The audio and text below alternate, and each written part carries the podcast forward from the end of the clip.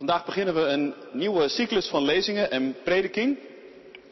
En die gaat over het leven van Jacob. De derde van de drie aartsvaders van Israël zou je kunnen zeggen, na Abraham en Isaac. En Jacob, we beginnen vandaag bij zijn geboorte, Genesis 25, en we lezen vers 19 tot en met 34. En de lezing uit het Nieuwe Testament is uit Romeinen 9, waar op dit hoofdstuk wordt teruggegrepen. Horen wij het woord van God. Ik lees uit de herziene statenvertaling vandaag. Dit zijn de afstammelingen van Isaac, de zoon van Abraham. Abraham verwekte Isaac. En Isaac was veertig jaar oud toen hij Rebekka, de dochter van Betuel, de Syriër uit Paddan Aram, de zus van Laban de Syriër, voor zich tot vrouw nam. En Isaac bad vurig tot de Heere in het, nabij, in het nabijzijn van zijn vrouw, want ze was onvruchtbaar. En de Heere liet zich door hem verbidden, zodat Rebekka, zijn vrouw, zwanger werd. De kinderen stoten in haar lichaam tegen elkaar. En toen zei ze, als dit zo is, waarom overkomt mij dit? En ze ging de Heere raadplegen. Toen zei de Heere tegen haar, er zijn twee volken in uw schoot en twee naties zullen zich uit uw lichaam van een scheiden. Het ene volk zal sterker zijn dan het andere en de meerdere zal de mindere dienen. Toen nu de tijd om te baren voor haar aangebroken was, zie, waren er tweelingen in haar schoot. De eerste kwam tevoorschijn, rossig en helemaal behaard als een harenmantel, en daarom gaf men hem de naam Esau. Daarna kwam zijn broer tevoorschijn, terwijl zijn hand de hiel van Esau vasthield. En daarom gaf men hem de naam Jacob. Isaac was 60 jaar oud bij hun geboorte. En toen die jongens groot werden, werd Esau een man ervaren in de jacht. Een man van het veld. Jacob was een oprecht man die in tenten woonde. Isaac had Esau lief, omdat hij graag wildbraad at. Rebecca daarentegen had Jacob lief. En eens had Jacob soep gekookt, toen Esau uit het veld kwam en moe was. En toen zei Esau tegen Jacob, laat me toch slurpen van dat rode, dat rode daar, want ik ben moe. En daarom gaf men hem de naam Edom.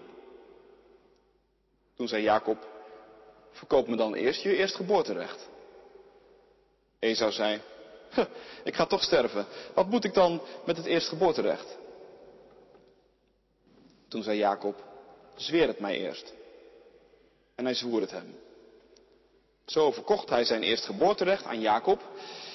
En toen gaf Jacob Esau brood met de linzensoep. Hij at, dronk, stond op en ging weg. Zo verachtte Esau het eerstgeboorterecht. Tot zover de eerste lezing. Tweede lezing uit Romeinen 9, vers 10 tot en met 16.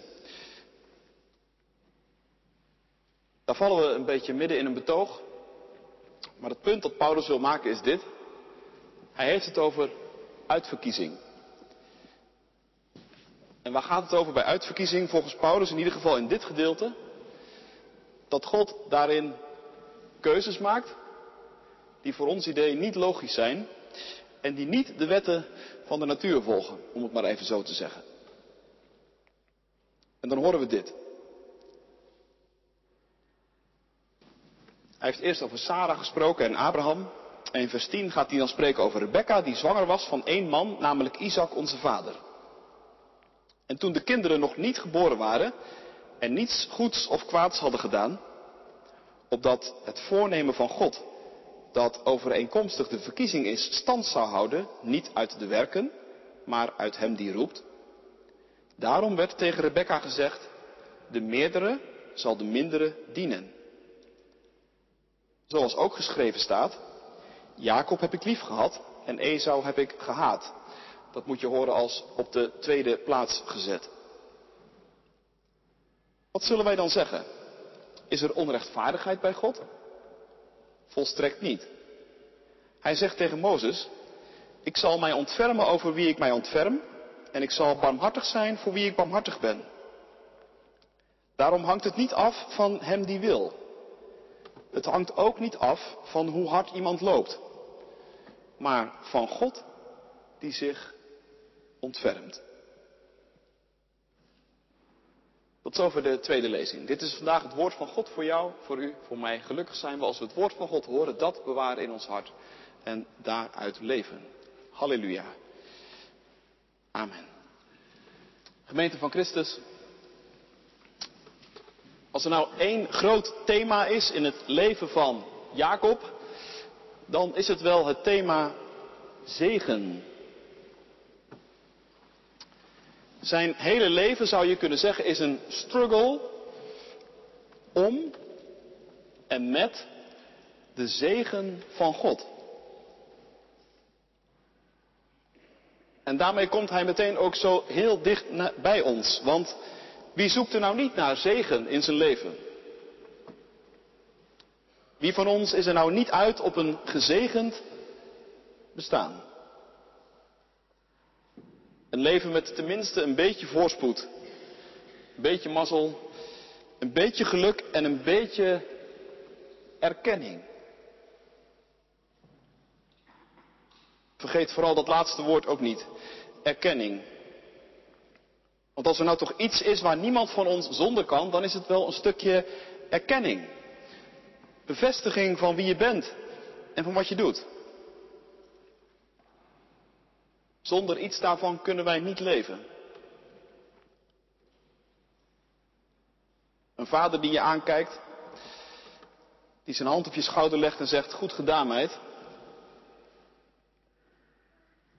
Of een moeder die, al is het maar een paar keer in je leven, zich tegen je aantrekt en zegt, jongen, ik ben trots op je. Je daar iets van ontvangen hebt, ooit in je leven, dan mag je dat echt wel zegen noemen. En tegelijk, dat weten wij natuurlijk ook, gaat er juist op dit punt zo ongelooflijk veel mis. Is er juist op dit kwetsbare en belangrijke punt zoveel schade en zoveel verwonding en zoveel tekort en zoveel onvervuld verlangen. Er zijn talloze mensen, misschien jij ook wel, die precies naar dit koortsachtig hun hele leven op zoek blijven. En je wilt ze de kost niet geven, die een carrière hebben gemaakt van heb ik jou daar. Die gevierd concertpianist geworden zijn, topvoetballer of CEO in een enorme organisatie. Juist om dit te bereiken. Maar merken, dat tegen dit gemis niets op kan.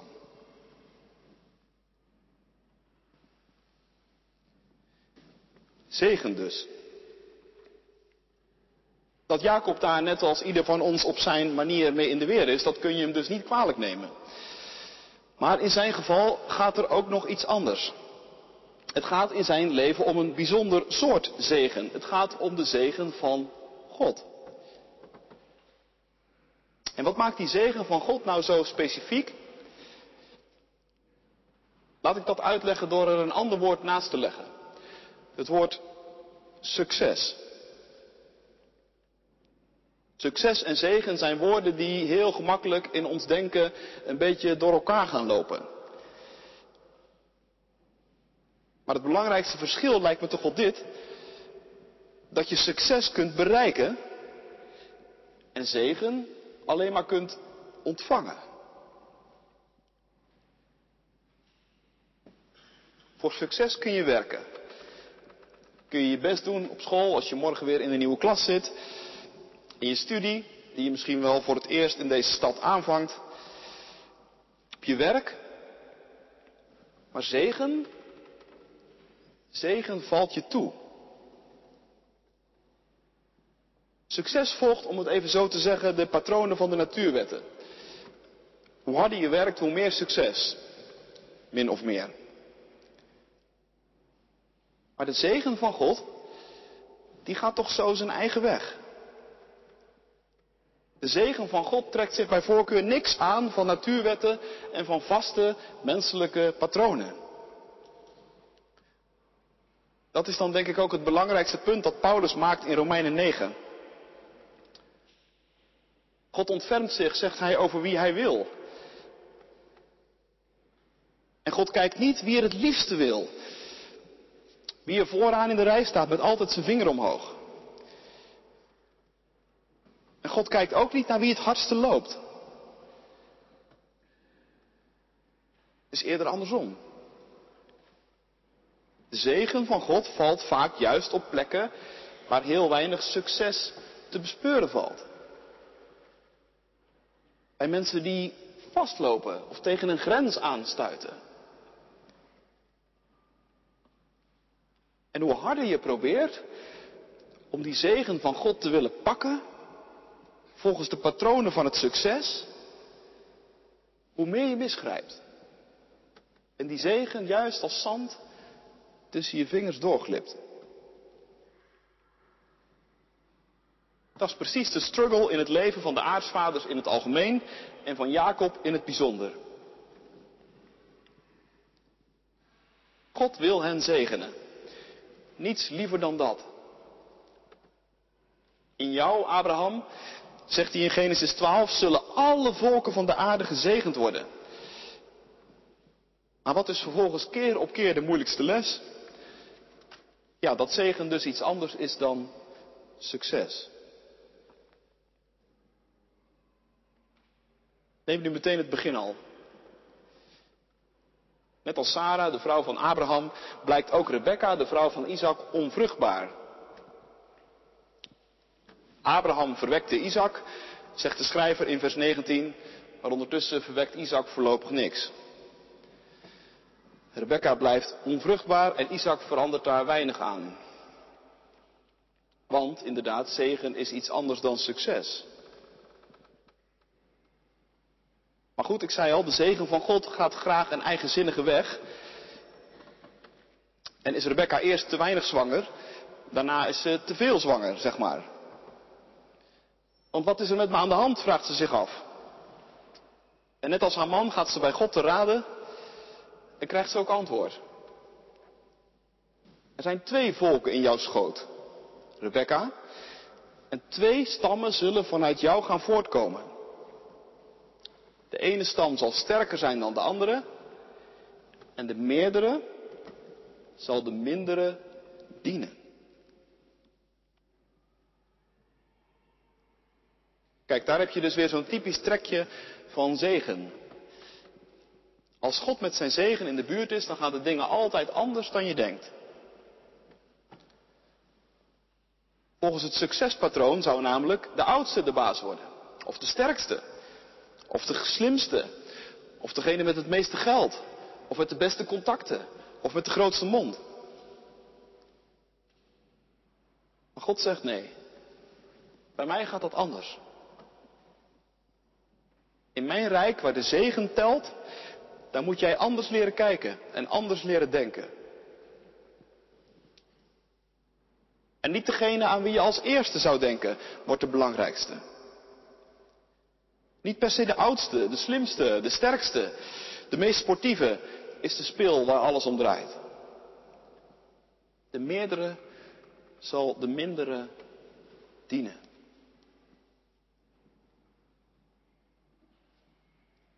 Dat is dus, om het even zo te zeggen, het gesternte waaronder Jacob wordt geboren. Maar wat zie je dan vervolgens gebeuren? Die zegendragers, dat blijken ook heel gewone mensen te zijn. Die zegendragers zijn mensen net zoals wij, die het succespatroon in hun botten hebben en in hun genen. En die die logica zichzelf niet hoeven aan te leren. Maar wel die andere logica. Die logica van de zegen. Die heeft niemand van ons zichzelf 1, 2, 3 aangeleerd.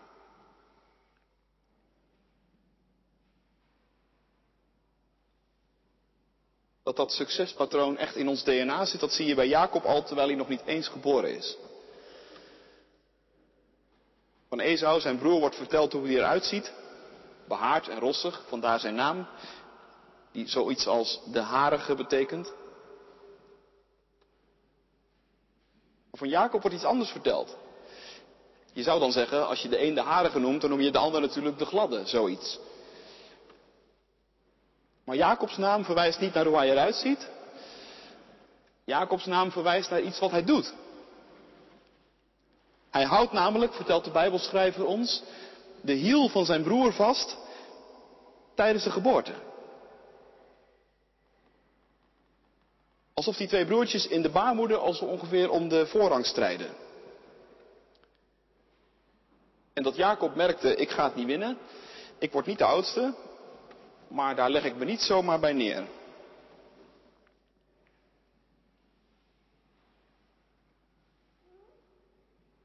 Als je dat beeld een beetje op je in laat werken, dan is dat zo ongeveer de grote paradox die Jacob zijn hele leven met zich meedraagt. Dat is zo ongeveer een levensopdracht, zoals wij allemaal een levensopdracht hebben. Jacob weet dat hij iemand is die de zegen van God in zijn buurt heeft.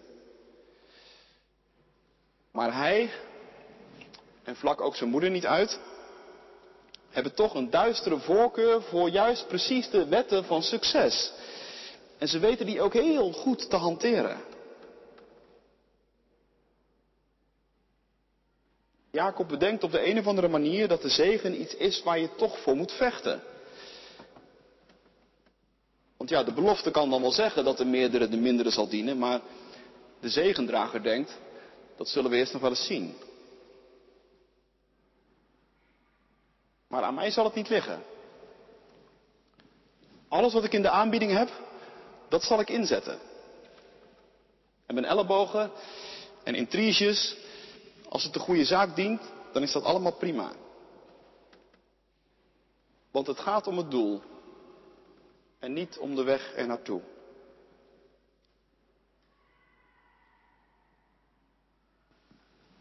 Dat is Jacob. En ik denk, je kunt hele mensenlevens langs dit patroon uittekenen. We verlangen allemaal hartstochtelijk naar zegen, maar hoe vaak proberen we die niet te bereiken via de patronen van succes? En precies omdat we daar nou net zo goed in zijn en zo koppig in volharden, ontglipt die zegen ons telkens weer.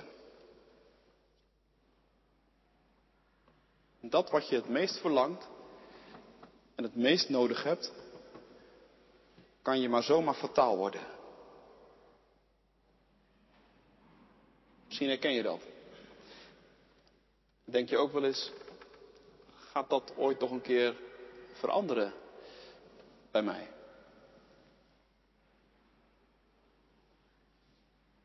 Nou, vandaag vieren we avondmaal. En precies deze tafel gebruikt God nou om ons wat dat betreft te veranderen. Want het avondmaal, dat is nou bij uitstek de tafel van de zegen. In de tekens van brood en wijn wordt alles wat je nodig hebt en alles waar je zo hartstochtelijk naar verlangt, je zomaar geschonken. En dat dit de tafel van de zegen is, en niet de tafel van het succes, dat wordt ook meteen duidelijk. De logica van de wereld wordt hier namelijk keurig netjes, maar heel beslist doorkruist. Er zijn geen eerste, tweede of derde rangs plaatsen. Er is plek voor iedereen. Ook voor jou. En je mag ontvangen. Christus komt naar je toe in de tekens van brood en wijn. En hij valt je zomaar toe. Als zegen. En aan deze tafel voegt hij dan ook zelf echt de daad bij het woord. Want wat hij beloofde aan Jacob, dat de meerdere de mindere zal dienen, dat heeft hij nou ook bij uitstek zelf gedaan. De meerdere met een grote hoofdletter, Christus, dient aan deze tafel ons. En als je dat gaandeweg op je in laat werken, word je daar een ander mens van. Als dat geen zegen is. Amen.